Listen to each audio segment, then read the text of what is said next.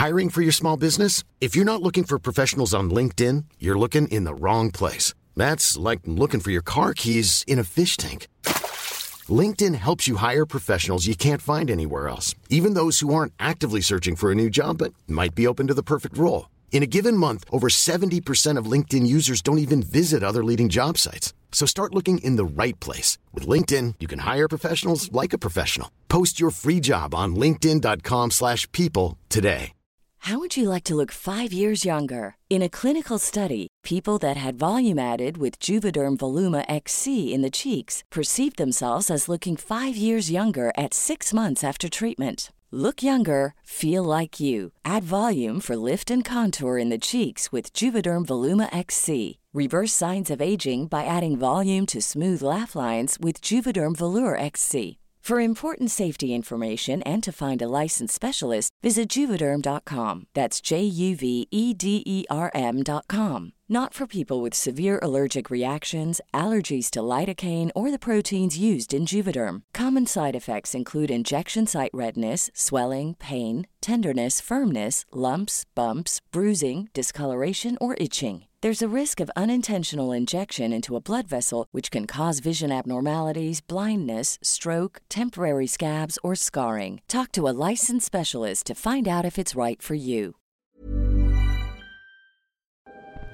وأنا على الأرض حسيت إن مالي واقفة عقب هذه محاولة لمناقشة النقاط المفصلية في حياتنا كل على سفر.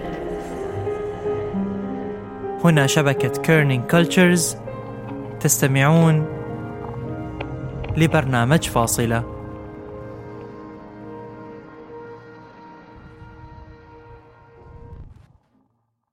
تنويه. يوجد في هذه الحلقة ذكر للانتحار. شنو اللي ممكن يتغير في حياتك الخارجية؟ بعد ما تكتشف خبايا عالمك الداخلية.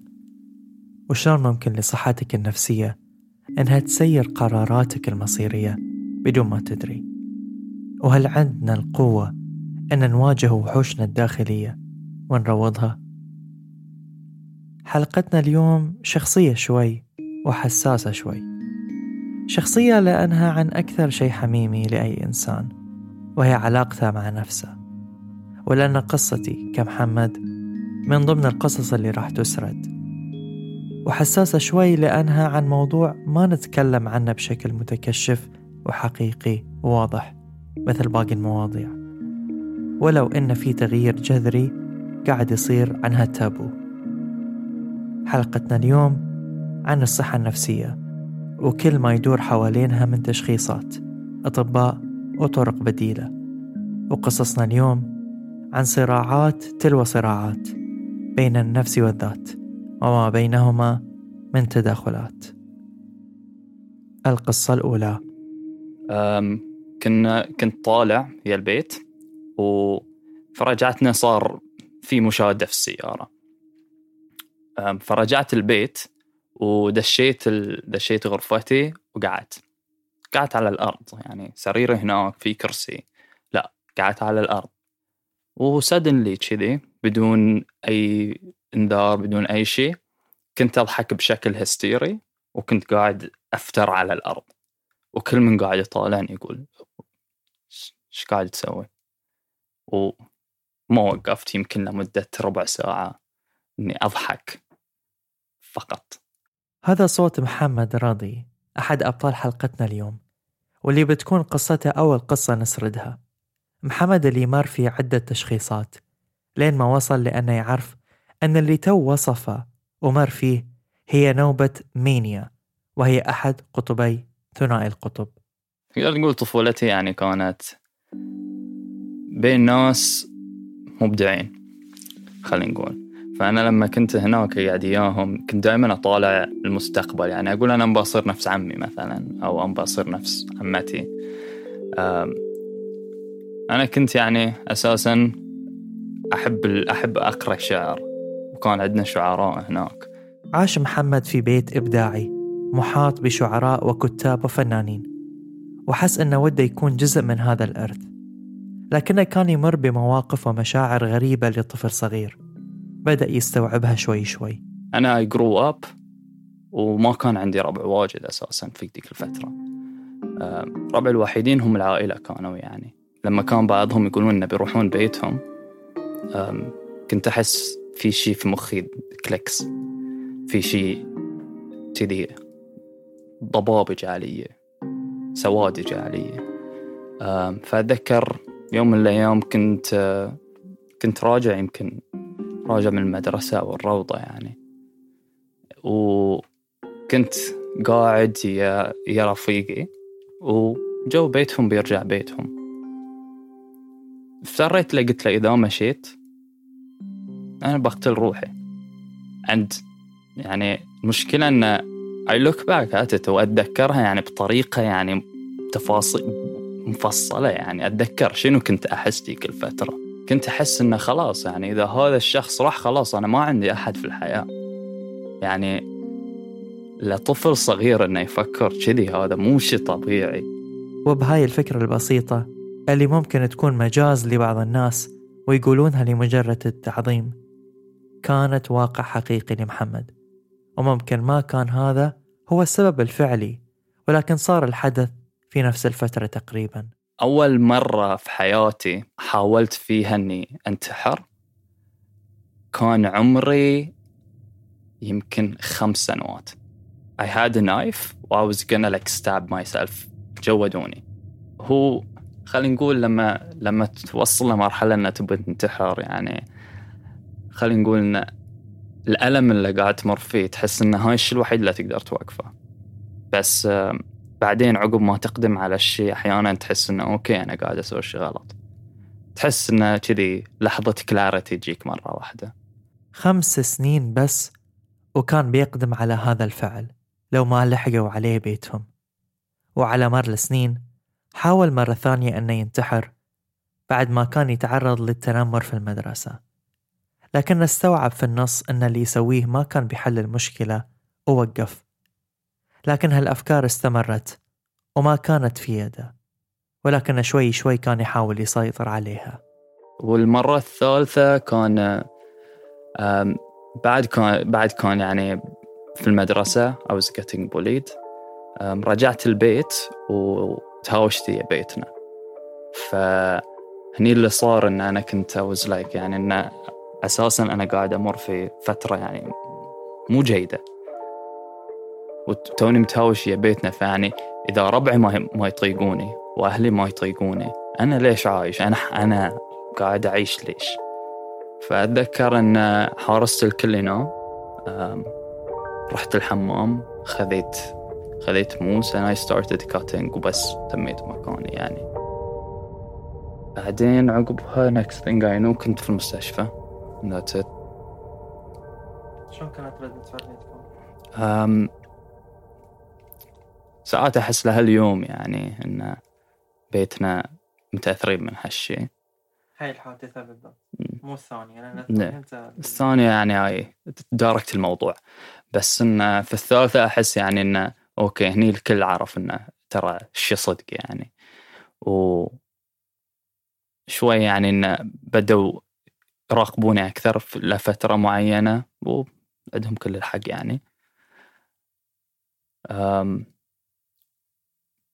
في كان شوية غضب إنه ليش ليش تسوي كذي. بس في نفس الوقت يعني لحسن حظ إن أنا في عائلة شوي متفهمة يعني. تفهمت هالم- هالموضوع يعني. يعني وقالوا لي إنه أوكي إحنا وياك. كان محمد ممتن جدا لعائلته ومحظوظ بدعمهم للي كان يمر فيه. ولكن نوبات المينيا ما وقفت وبدأت تصير بشكل مستمر. كنت قاعد في بيت أبوي العود جدا الوضع طبيعي و خالتي قالت لي كلمة ما عجبتني. قمت من مكاني رحت للفرنشر واحد واحد وفلت كل شيء على الأرض. فلت كل شيء على الأرض رحت قعدت على على كرسي وقعدت أطالعهم و... وأنا صاك إيدي. كانوا يقولون لي يعني ليش سويت كذي وما كنت أرد عليهم. ولكل صعود حاد لابد أن يكون في سقوط حاد. وها هي ماهية ثنائي القطب. اللي هو ببساطة حالة صحية عقلية تتسبب في تقلبات مزاجية مفرطة تتضمن الارتفاعات الهوس أو المينيا والانخفاضات الاكتئاب العاطفية. ومر محمد في حالة اكتئاب شديدة بعد تخرجه من المدرسة في أول سنينه في الجامعة. لما رحت الجامعة I went through a crash. طحت مرة واحدة. أتذكر أني رجعت من الجامعة ونمت. كانت فترة امتحانات منتصف. نمت قعدت اليوم الثاني في شي غير في شي غير. في شي غير في العالم. أطالع حولي في شي غير. ها- هاي مو العالم اللي أنا متعود عليه. أبى أقوم من سريري أحس إنه ما عندي طاقة إني أقوم أساسا. أحس إنه خلاص العالم قاعد ينصك علي مع إنه مو صاير شيء يعني الفترة الأخيرة كانت جيدة جدا. بس كذي بدون أي مبرر بدون أي تريجر قعدت من النوم يوم من الأيام وأحس إنه خلاص كل شيء انصك علي وأنا ما أقدر أواصل الحياة. خلاص الرغبة في الحياة انعدمت فيني. تميت يمكن في سريري لمدة أسبوع يعني أقوم من, من السرير بس إني آكل وأرجع أنام That's it. والشيء غير المتوقع أنه يصير في مجتمعاتنا العربية ولكنه صار في حالة محمد أن أبوه هو اللي اقترح عليه أنه يزور طبيب نفسي. هني يعني لحسن حظي إن أبوي جالي قال لي يعني إن okay تبغى تروح حق طبيب نفسي. فأنا بالنسبة لي كانت last Hail Mary يعني. خلاص هاي آخر فرصة لي عشان النجاة خلينا نقول. فرحت. رحت حق طبيب نفسي وقال شخصني باكتئاب. أول طبيب رحت له شخصني اكتئاب. مريت ببريك داون يعني لأني عرفت إنه اوه أنت فيك اكتئاب يعني خلاص الحياة بعد صارت أسوأ الحين. يعني الشيء اللي كنت خايف منه طلع صدق. أعطاني مضادات اكتئاب أخذتهم ساعدوني لفترة بس في نفس الوقت كنت بعد أحس إنه لا للحين في شيء غلط. شخص الدكتور بالاكتئاب وكان هالشيء طبيعي لأن محمد كان أصلا في هذه الحالة من ثنائي القطب. ولكن دور الطبيب النفسي هو أنه يتفهم الأسباب الفعلية ويدخل أكثر عشان يعرف مصدرها. بس محمد والطبيب ما كانوا على توافق تام من البداية.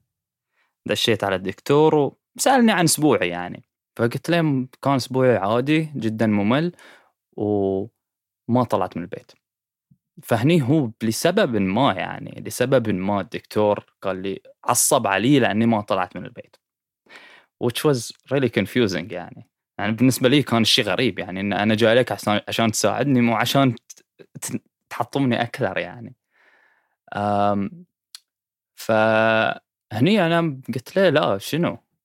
أنا زين مني عايش حاليا.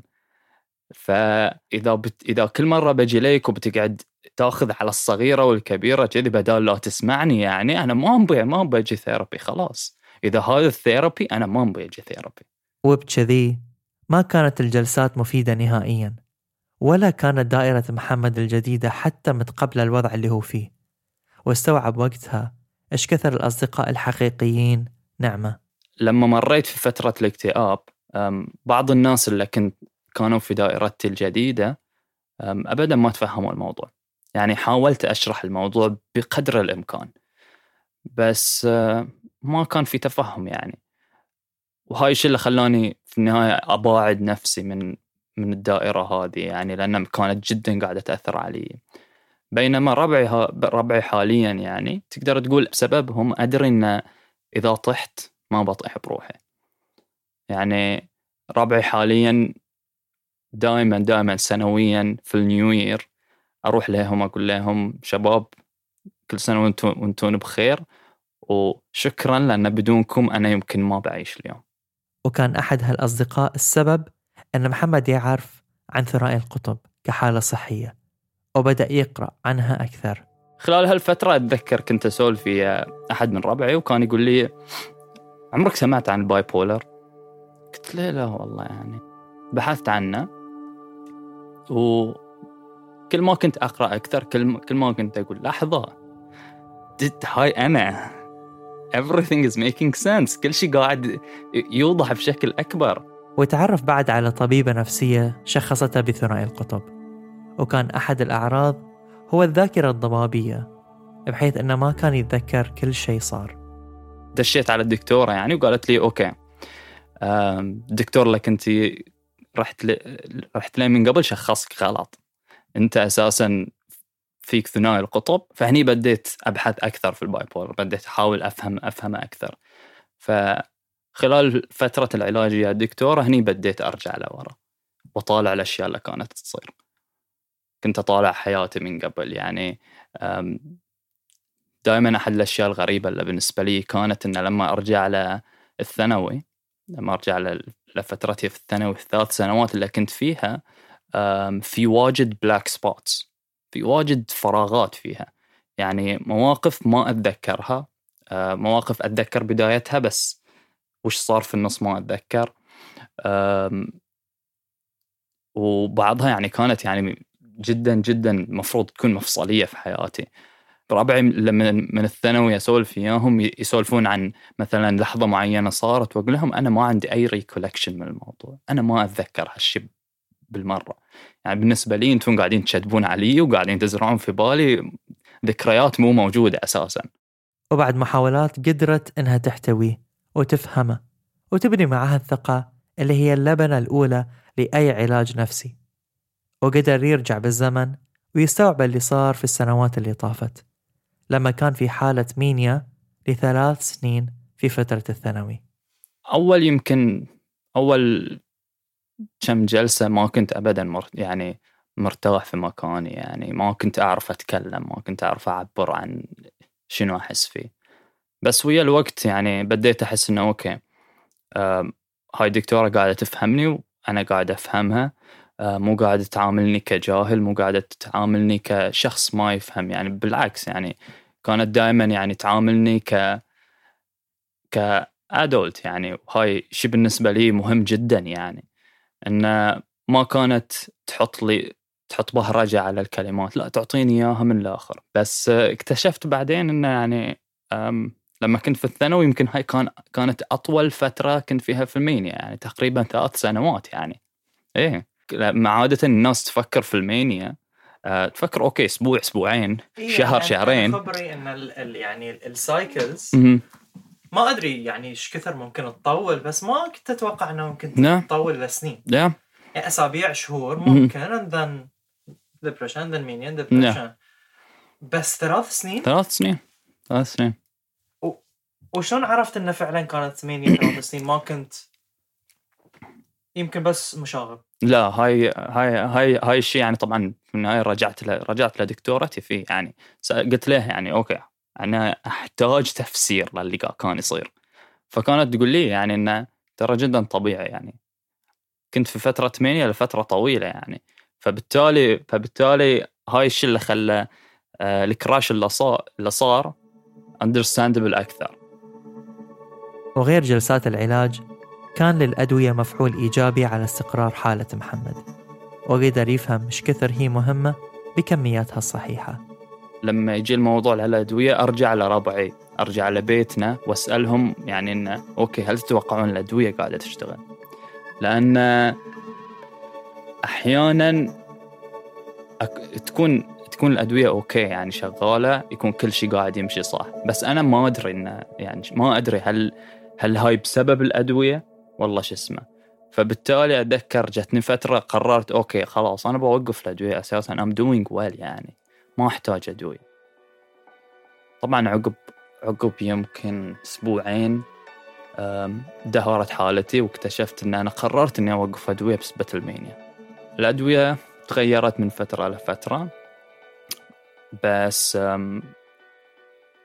ما تو... يعني كل ما كل ما تطوف الأيام أتذكر انه okay قاعدين يشتغلون قاعدين يسوون شغلهم يعني كل ما. كل ما يمر وقت أكثر أشوف قد هم مهمين في حياتي حاليا ولكن ساعات يجي ثنائي القطب بالقطبين في حالة تسمى بال mixed episodes أو النوبة المختلطة بحيث يكون فيها محمد يحس بالمينيا والاكتئاب في الوقت نفسه وهالنوبات ممكن تخلق توتر للمصابين بثنائي القطب.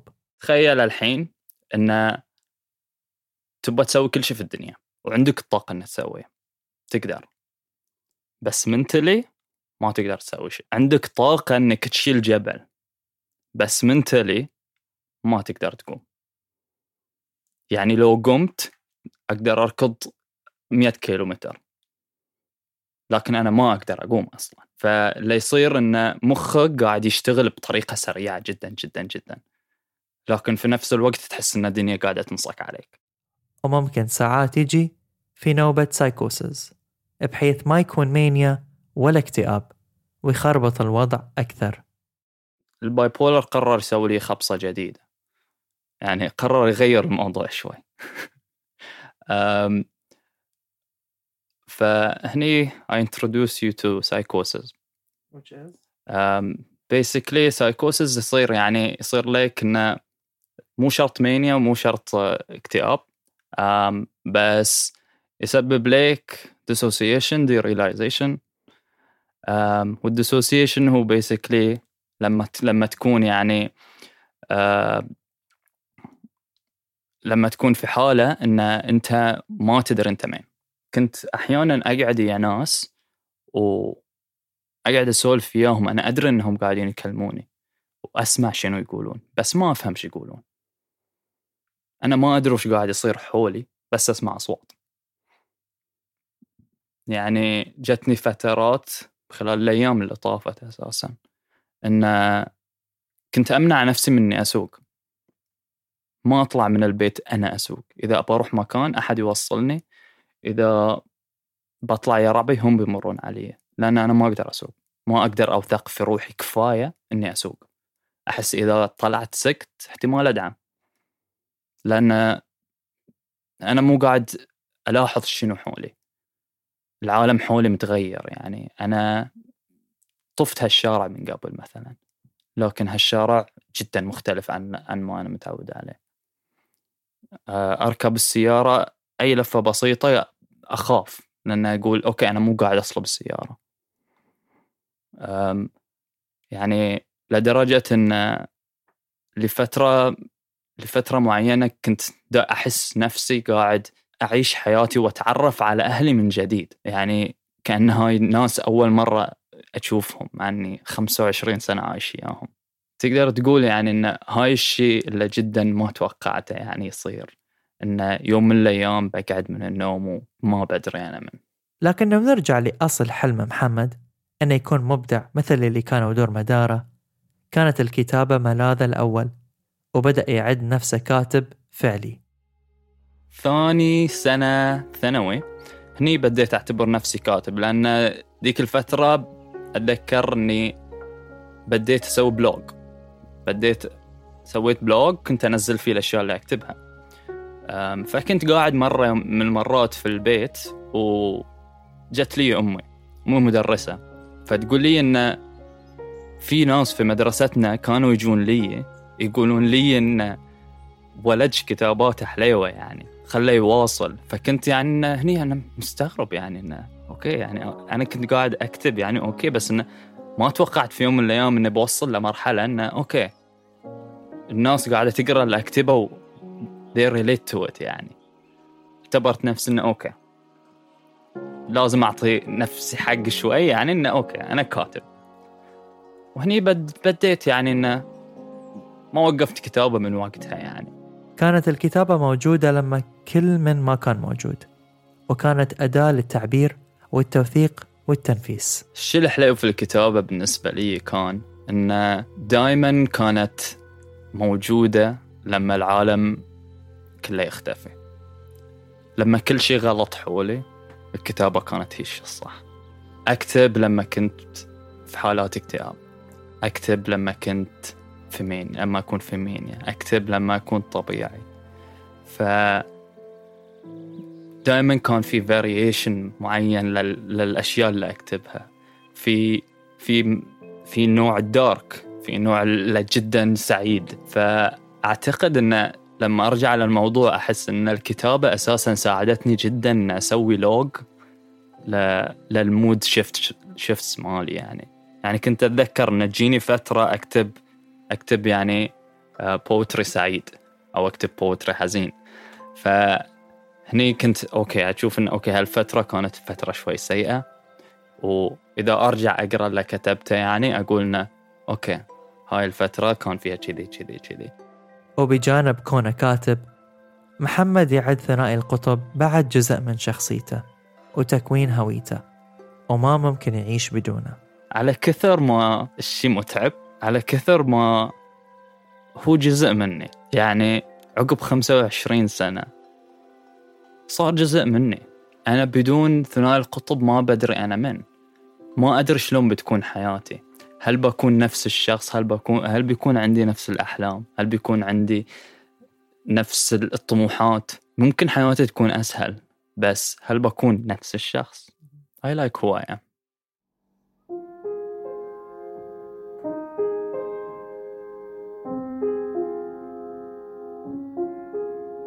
القصة الثانية. بعد قصة أحد الحالات النفسية المشخصة قصتنا الثانية أقرب للناس العادية اللي ممكن تمر ببعض الضغوطات النفسية في حياتها اليومية. أنا آه، بقول الحمد لله أنا طفولتي كانت جميلة. آه، كانت مليانة شوية مغامرات بس ما فيش حاجة فوق العادة يعني.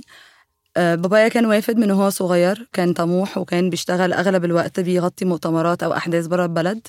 لحد ما الموضوع بدأ يطول فإحنا أغلب الوقت كنا قاعدين مع ماما هنا في القاهرة وبنشوف بابا كذا شهر في السنة. There's never been a faster or easier way to start your weight loss journey than with PlushCare. PlushCare accepts most insurance plans and gives you online access to board-certified physicians who can prescribe FDA-approved weight loss medications like Wigovi and Zepbound for those who qualify. Take charge of your health and speak with a board-certified physician about a weight loss plan that's right for you. Get started today at plushcare.com slash weight loss. That's plushcare.com slash weight loss. plushcare.com slash weight loss. Hiring for your small business? If you're not looking for professionals on LinkedIn, you're looking in the wrong place. That's like looking for your car keys in a fish tank. LinkedIn helps you hire professionals you can't find anywhere else, even those who aren't actively searching for a new job but might be open to the perfect role. In a given month, over 70% of LinkedIn users don't even visit other leading job sites. So start looking in the right place. With LinkedIn, you can hire professionals like a professional. Post your free job on linkedin.com slash people today.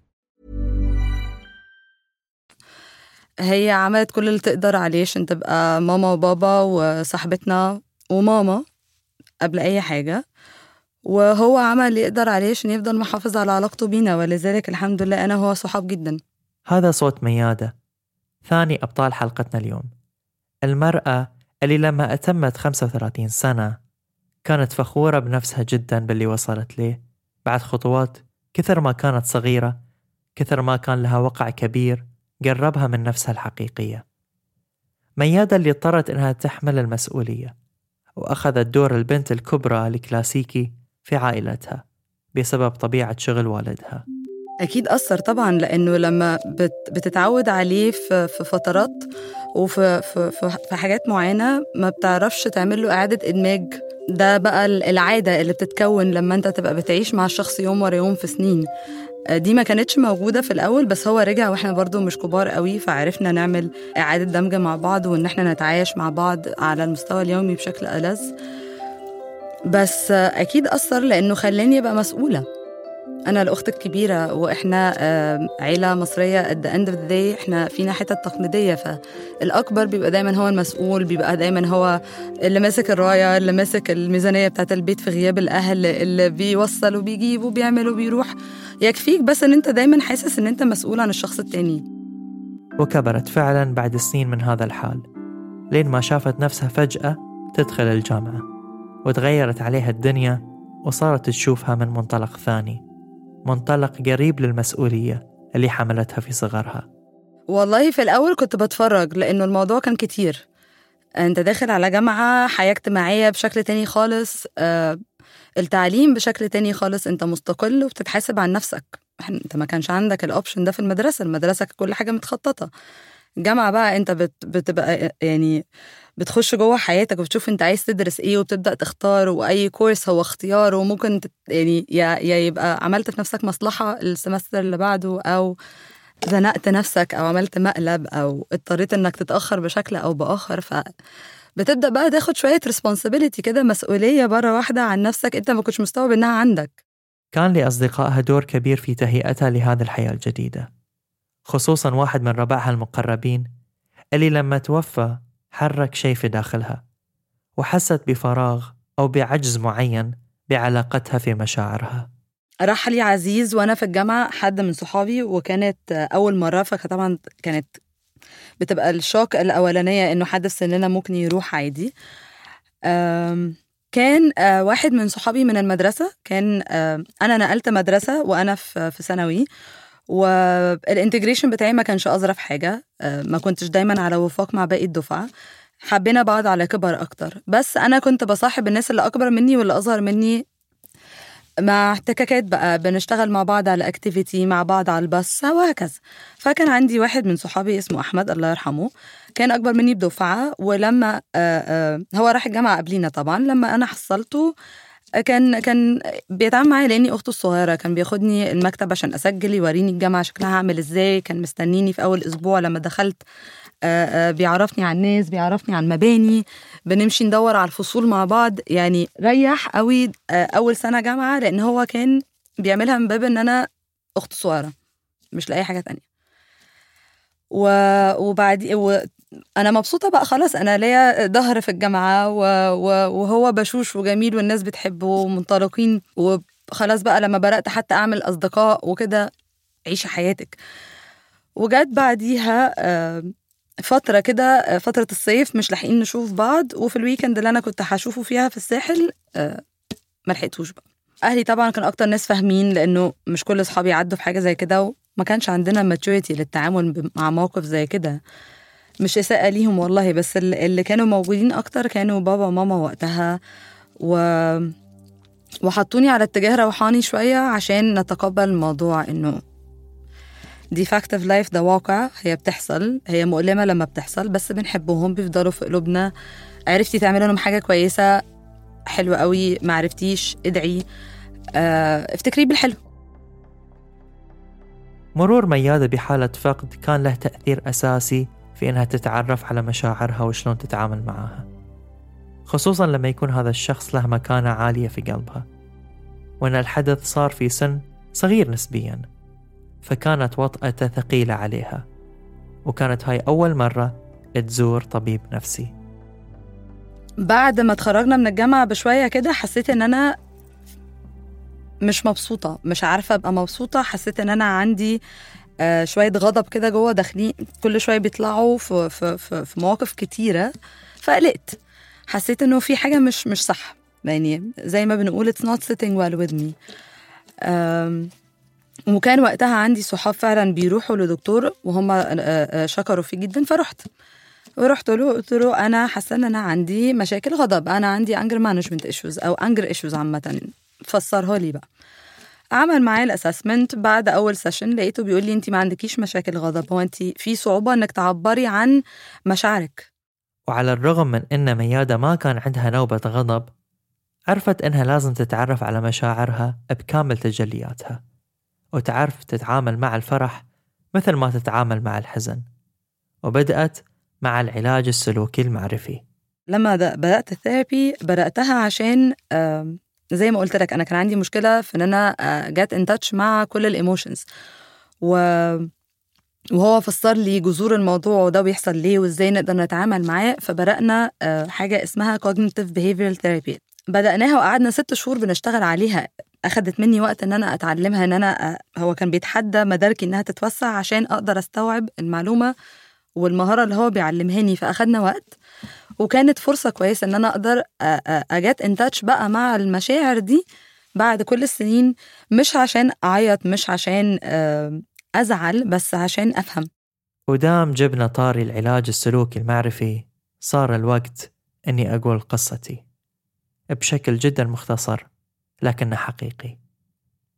العلاج السلوكي المعرفي أو ال Cognitive Behavioral Therapy المعروف بالسي بي تي هو أحد أنواع العلاج النفسي بالكلام. العلاج اللي جربته أنا شخصيا بعد ما عرفت أني إنسان قلق. ما تم تشخيصي بحالة معينة بل بدأ الموضوع كله بجلسة استشارية بسيطة. ارتحت فيها جدا وللحين أتذكر إيش كثر كانت دقات قلبي هادئة ومرتخية. ومن بعدها بدأت أسوي هالجلسات أسبوعيا وأعطيها أهمية عالية. لو إيش كثر كنت مشغول؟ لازم يكون لها مساحة. عرفت من خلالها أشياء كثيرة كنت مو مستوعبها وعرفت الأسباب وراء السلوكيات اللي أسويها. اللي كانت معظمها ترجع للطفولة وبرمجتنا فيها. فصار لازم أني أعيد برمجة نفسي لأني استوعبت أن مو كل شيء تعلمناه في الطفولة ممكن يتوافق مع قيمنا الحالية وأسلوب حياتنا. عرفت أني مبني بشكل أساسي على ردات فعل لأحداث سابقة ومنها بنيت تعريفي للحب والعلاقات للإنجاز وقيمة الذات للاستحقاق والتناقضات. عرفت أن حتى أقرب السلوكيات لقلبي مثل القراءة لها أساس ممكن ما يكون صحي وحتى السباق اللي أنا فيه مع نفسي لها علاقة أعمق من اللي كنت أتصورها. محمد اللي الناس تشوفه يسوي ويعطي وينجز. كان يحترق من الداخل شوي شوي بدون ما يدري. لأنه كان يحسب أنه بيحصل على الحب من خلال هالطريق. وبتكون قيمته أكبر لو أنجز أكثر لكنه صار واعي. صرت أوعى وصرت أحن على نفسي من كل الصراعات الداخلية. صرت أكلمها بلطف. وما أحاسبها على كل صغيرة وكبيرة وأسمح لها أنها تغلط. صرت أخليها تقدم نفسها على الباقي في لحظات وأسمح لها أنها تتنفس. وشوي شوي قاعدة تقرب من نفسي الحقيقية وأوقف أكذب عليها وأتكشف بيني وبين نفسي بكل مشاعري اللي قدرت أني أتصل فيها أكثر وتقبلت أني إنسان حساس. وصرت أشوف أن هالشي مصدر قوة مو نقطة ضعف وأن أصدق كتاباتي وأحلاها هي لما أعري أحاسيسي بكل صدق. ولهذا السبب أنا ممتن لطبيبي ولكل أداة في العلاج السلوكي المعرفي اللي عرفتني على ذاتي وقربتني من حقيقتي وأظهرت فيني الإنسان. نرجع لقصة ميادة اللي أكدت على أهمية مبدأ الثقة بينها وبين الطبيب النفسي وشلون كانت هاي الطريقة الوحيدة لأنها تبدأ رحلة التعافي.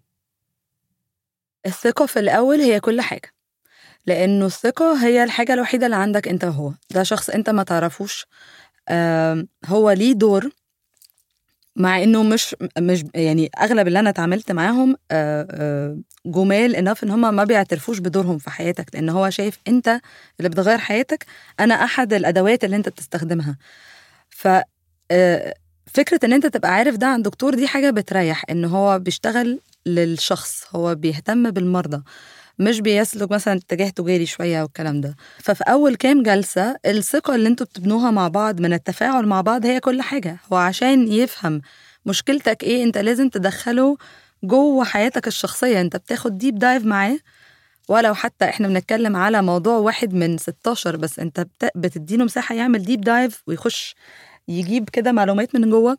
عشان أديله الأمان ده لازم أبقى واثقة فيه. لازم يديني هو كمان الانطباع أو السبب إن أنا أثق فيه. إنه الكلام بيروح في مكان أمان بيروح في مكان فاهم بيفكر فيه. وبعد ما خاضت ميادة فترة من العلاج جتها فرصة عمل تتماشى مع قيمها وتطلعاتها المهنية. لكن في بلد غير بلدها وابتدت مرحلة ثانية من التعرف على الذات في وسط الغربة. بص هو السفر كان قرار طموحي مهني شبه بحت لأنه أنا بحب شغلي وجات لي فرصة حلوة واحتضني لثلاث سنين دو دولة عربية جميلة دولة الكويت. و... وكانت تجربة حلوة جدا بالنسبة لي مهنيا و... وشخصيا. يعني كم الناس اللي قابلتهم وكم الشغل اللي اشتغلت عليه. وما حصلتش فترة تعافي بس كان فترة بتعلم نفسي من من الأول. أنا مع نفس المنظمة من أول ما تميت 30 سنة. فأنا دايما بتريق إن هم شكلوا تلاتيناتي. شئت أم أبيت هم جزء من فترة التلاتينات بتاعتي.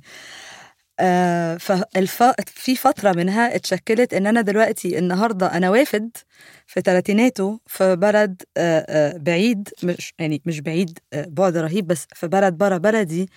فأنا أنا شغلي دلوقتي بس مش عايزين نتكلم على الشغل. بس أنا آه آه برا العشة بقى خالص. أنت برا المعادي برا القاهرة برا مصر. مع نفسك. اعرف بقى أنت مين. وريني كده هيطلع منك إيه. لكن هالفترة اضطرت ميادة إنها ترجع مصر بسبب الوباء وصارت تشتغل عن بعد. وعلى الرغم من إنها رجعت لبلدها لفترة وحشتها لحظات خلوتها. اللي كانت تتعرف على نفسها أكثر فيها وتعرف شنو اللي تحبه وشنو اللي ممكن تعيش بدونه وأقدمت على خطوات مصيرية في حياتها خلالها. على صعيد آخر كان قبل ما أرجع على الكويت تاني في 2020 كنت بدأت علاقة وكانت بدأت تديني موتيف أكتر إنه طب ما هو ممكن يبقى في حاجة تستاهل إن إحنا نجربها وبرضو عشان أنا شفت ال long distance عمل إيه في اللي حواليا حسيت إن ده مش حاجة أنا عايزة أعملها فترة طويلة. فكنت عاملة حسابي إن أنا مش عايزة أبعد المسافة فيها عشان بت بتفقد جزء من الإحساس بالعلاقة وإنت على distance لازم تبقى حوالين الشخص برضو لفترة معينة عشان تبقوا فاهمين فعلا هتعرفوا تعملوا المشروع ده ولا مش هينفع في الآخر. فده كان برضو جزء من التفكير الجزء الثالث إن أنا بصراحة جات لي فرصة. لما أنا قمت وبدأت أدور جات لي فرصة برضو مع, مع منظمتي في بيتي و... وكان لازم أتحرك بسرعة. وفعلا رجعت لمصر وكأن ولا شيء تغير عليها. على الرغم من بعض الصدمات الثقافية الصغيرة كانت معظم الأشياء في محلها وقدرت شوي شوي إنها تتعود عليها مرة ثانية. يعني إن أنا أرجع المكتب ألاقي زمايلي القدام موجودين وفاكريني ولسه بنتعامل بنفس الألفة ده كان حاجة حلوة. كنت فاكرة إن المسافة أخدتنا من بعض أكتر من كده بس لقيت إن الموضوع جميل جدا. وبصراحة ده كان من الحاجات اللي هي التأكيدات الإيجابية لما شفتها إنه الله العودة للمكتب لذيذة والناس لسه حلوة ولسه جمال لسه فاكريني حاجة تفتح النفس على الشغل على الصبح يعني. آه في البيت مثلا آه كان في في الأول كده شوية حاجات بتضحك إنه البيت اتعود إن أنا مش موجودة فيه. فشكله اتغير شوية. في أوضة بحالها فاضية في البيت ما حدش بيستخدمها فهتلاقي بقى حد مستخدم ركن حد عمل حاجة حد جاب لك حاجة وأنت ما شفتهاش أو شفتها من فترة فبقيت دلوقتي متعود إنك بتشوفها كل يوم. بتبدأ بقى تفهم إنه أنت أنت غبت مسافة برضو. وبعدين لما أرجع على ثلاث أشخاص معايا تاني في البيت الموضوع أخد شوية تعود. كنا محتاجين مساحة تعود تاني إن أنا رجعت بشارك مساحتي مع الناس وفي ترافيك في البيت في ناس تانية بتتمشى في البيت غيري. وفي ناس تانية بتصحى وبتنام وب... يعني في في في حياة معايا في البيت أنا مش لوحدي. لكن مثل ما كان قرار العودة لمصر مبني على العلاقة اللي كانت فيها ميادة كان قرار العودة للعلاج النفسي مبني على الانفصال من هذه العلاقة. ولأنها كانت مرتاحة من وجود مختص نفسي صوبها في فتراتها المصيرية قررت تشوف ميادة طبيب نفسي ثاني هالمرة. لكنه بعد ممتاز في شغله اللي للحين تزوره. أه والحاجة الأخيرة إنه العلاقة أه وقفت. ووقفت بسببي. أو يعني وقفت بسبب أنا وقفتها فده كان قرار كبير. دي كانت جزء من القرار بتاع العودة. كل حاجة تانية ماشية بس ماشية بصعوبة ودي كانت ماشية بصعوبة لحد ما انتبهت إنها هي مش ماشية. بس أنا عايزة أمشي. فأنا همشي. فبدأت أعمل ال plan وبدأت أرتب بقى أو أحاول أستوعب حجم التغيير أو ال roller coaster اللي مستنيني. وهنا بقى كانت قرار ان أنا مش عايزه اعمل اركب ال roller coaster ده لوحدي أو at least عايزه آآ آآ عايزه professional support في ال journey دي لانها أنا كنت شايفاها هتطول وهي طولت فعلا. و... ورحت رحت للدكتور الجديد رحت بي برضه based على ان هو آه ليه portfolio تقيل وهو بروفيسور بس we keep him anonymous ورحت له وبدأت أتكلم معاه وأنا بقالي معاه دلوقتي آه تسعة عشر شهور. و من ألذ الحاجات إن أنا في sessions ببقى طالعاها من عنده بنور. مخي بينور. وعلى الرغم من كل الأحداث اللي مرت فيها ميادة عندها القدرة إنها تكون ممتنة لأي شيء صار وتحس إنه فعلا أفضل سيناريو ممكن يصير.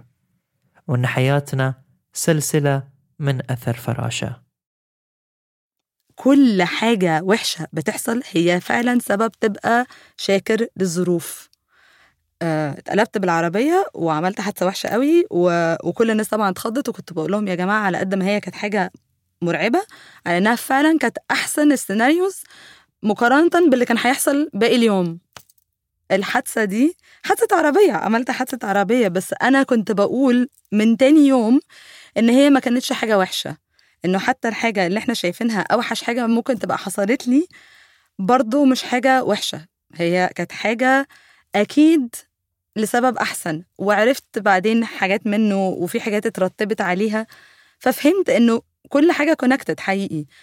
السنة اللي فاتت بقى كان الوقت اللي أنا قررت أنا مش هبقى happy أنا عايزة أبقى مرضية أنا عايزة أبقى من جوه راضية مرضية عايزة أبقى آم، بقول الحمد لله كتير ب practice gratitude كتير ودي حاجة آه، اللي حواليا يشهدوا بيها إن ده بقى practice حقيقي أكبر بكتير من ما أنا كنت بعمله زمان. أنا دلوقتي I'm grateful على كل نفس باخده. وبدأت تستشعر النعم اللي دور مدارها وخصوصا الشخصيات اللي تشارك معهم حياتها. وفي أحد اللحظات اللي كانت تشكرهم بادلوها الشعور في موقف ما كانت متوقعته. فهمت بعديها إنك تبقى vulnerable اللي هي يبقى عندك انفتاح عاطفي. ده من أسمى أنواع القوة. كل ده اكتشفته عن طريق فيميلز كتيرة اتحطوا في حياتي. لما جيت السنة دي أبعت أعيد على آه، آه، آه، المجموعة الجميلة في حياتي. بعت بقول لهم thank you for inspiring me. Thank you. Thank you بكل أشكالها يعني. كذا حد رد عليا قال لي thank you for inspiring. أو you are an inspiration. أو حاجة على ال الوزن ده. الجملة خضتني. فالأول اتخضيت. لأنه أنت مش عارف هما بيجاملوك عشان هما جمال وطبيعي هيجاملوك وطبيعي هيقولوا لك حاجة positive عشان هما أغلبهم cute جدا. ولا ده comment ولما تلاقيه جاي لك من كذا حد نفس الكلمة. إيه يا جماعة اللي أنتوا بتقولوه ده؟ مين دي اللي inspiring وبعدين أخدت خطوة لورا كده قلت طب هحاول بس أفهم هما بيقولوا كده ليه. لقيت إنه زمان أو من زمان أنا عشان ماشية على مناهج اتعلمتها منهم وبنسمعها كلها بترجع يعني بعملها مع حد بيعملها مع التاني فهي في الآخر ما بيننا كلنا بتتحرك الطاقة. وبعد هالرحلة اللي كثر ما أنها استمرت لسنين كثر ما أنها توها تبتدي وكثر ما خطينا خطوات وشكرنا نفسنا عليها كثر ما في أسرار أكثر عن نفسنا ودنا نستكشفها. وصلت ميادة لمرحلة تخطط فيها للمدى البعيد في عيد ميلادها الخمسة وثلاثين لما استشعرت بكل حواسها أنها موجودة في هالحياة وأنها تعرف نفسها حق المعرفة. أنا بحب عيد ميلادي وبحب أحتفل بيه و... وما عنديش أي مشكلة إن إحنا نحتفل بيه كذا يوم بطقوس مختلفة. في حد من صحابك ليك مثلا طقس نطلع نشرب قهوة الصبح في حد تاني تقول لك لأ أنا عايزة نروح نتغدى في مكان على النيل. فأنا بقضي ال- الشهر بحتفل. ده بيبقى أحلى وقت في السنة ده ده ده العيد ميلاد بقى. أنا تميت 35 السنة اللي فاتت وقبليها بكذا شهر كان أول مرة في حياتي طواعية بسأل نفسي أنا فين بعد خمس سنين؟ ده سؤال بنتسأله كلنا في ال interviews من أول ال internship وفوق. آم، وكان أول مرة أنا أسأله لنفسي وأدور على إجابة. ما هو إحنا كبرنا مش إن إحنا آه، بنكبر as in آه، older بس I'm more me. أنا أنا أنا مالكة نفسي أكتر دلوقتي. آه، مثبتة نفسي في مجالي الحمد لله مثبتة نفسي اجتماعيا ثابتة على شخصيتي ما بعملش تغييرات رهيبة. أنا بكبر أنا بعقل بس مش بتغير اللي هو نقلة كبيرة. والمفروض إن أنا بطلت أعيش على من مرتب لمرتب ومن شهر لشهر. خلاص أنا برضو متأمنة و مفروض بقى إن أنا أبدأ أفكر أنا بعمل إيه للفيوتشر سيلف إحنا كل ده كنا بنحاول نلحق مايده بعد شهر بعد شهرين سنة آه ما بعدش تفكيري أبعد من سنة الحقيقة. يعني سنة دي ممكن أقول لك من أيام الماسترز إن أنت لما كنا بتقبل على شهادة آه، آه، جامعية أو دراسية أنت بتعملها استثمار في مستقبلك بس ده كان أبعد حاجة عملتها. آه والسنة اللي فاتت قعدت سألت نفسي السؤال أنت بقى بنعمل إيه لميادة اللي هتتم 40 في يوم من الأيام؟ ان شاء الله يعني. هتتدور وتقول لك شكرا ولا هتتدور وتقول لك الله يسامحك؟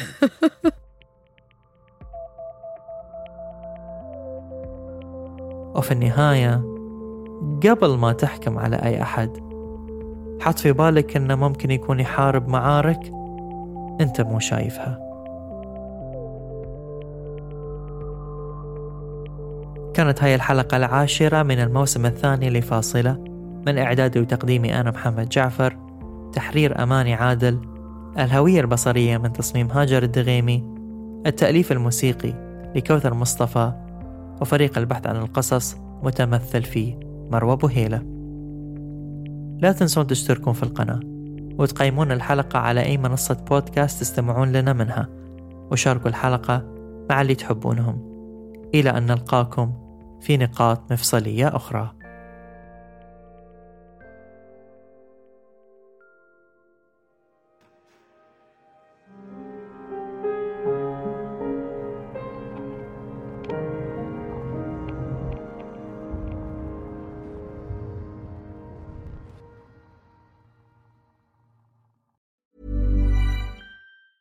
Want to get a chiseled look in the jawline? Sculpt and shape your jawline with added volume from Juvederm Volux XC. Juvederm Volux XC is an injectable gel specifically designed to be robust enough to improve moderate to severe loss of jawline definition. And it is the first and only hyaluronic acid filler approved for the jawline. Add volume to your jawline for a chiseled look with Juvederm Volux XC. For important safety information and to find a licensed specialist, visit juvederm.com. That's J U V E D E R M.com. Not for people with severe allergic reactions, allergies to lidocaine, or the proteins used in Juvederm. Common side effects include injection site redness, swelling, pain, tenderness, firmness, lumps, bumps, bruising, discoloration, or itching. There's a risk of unintentional injection into a blood vessel, which can cause vision abnormalities, blindness, stroke, temporary scabs, or scarring. Talk to a licensed specialist to find out if it's right for you. Visit juvederm.com. That's J U V E D E R M.com. Planning for your next trip? Elevate your travel style with Quince. Quince has all the jet setting essentials you'll want for your next getaway, like European linen, premium luggage options, buttery soft Italian leather bags, and so much more. And is all priced at 50 to 80% less than similar brands. Plus, Quince only works with factories that use safe and ethical manufacturing practices. Pack your bags with high-quality essentials you'll be wearing for vacations to come with Quince. Go to quince.com slash pack for free shipping and 365-day returns.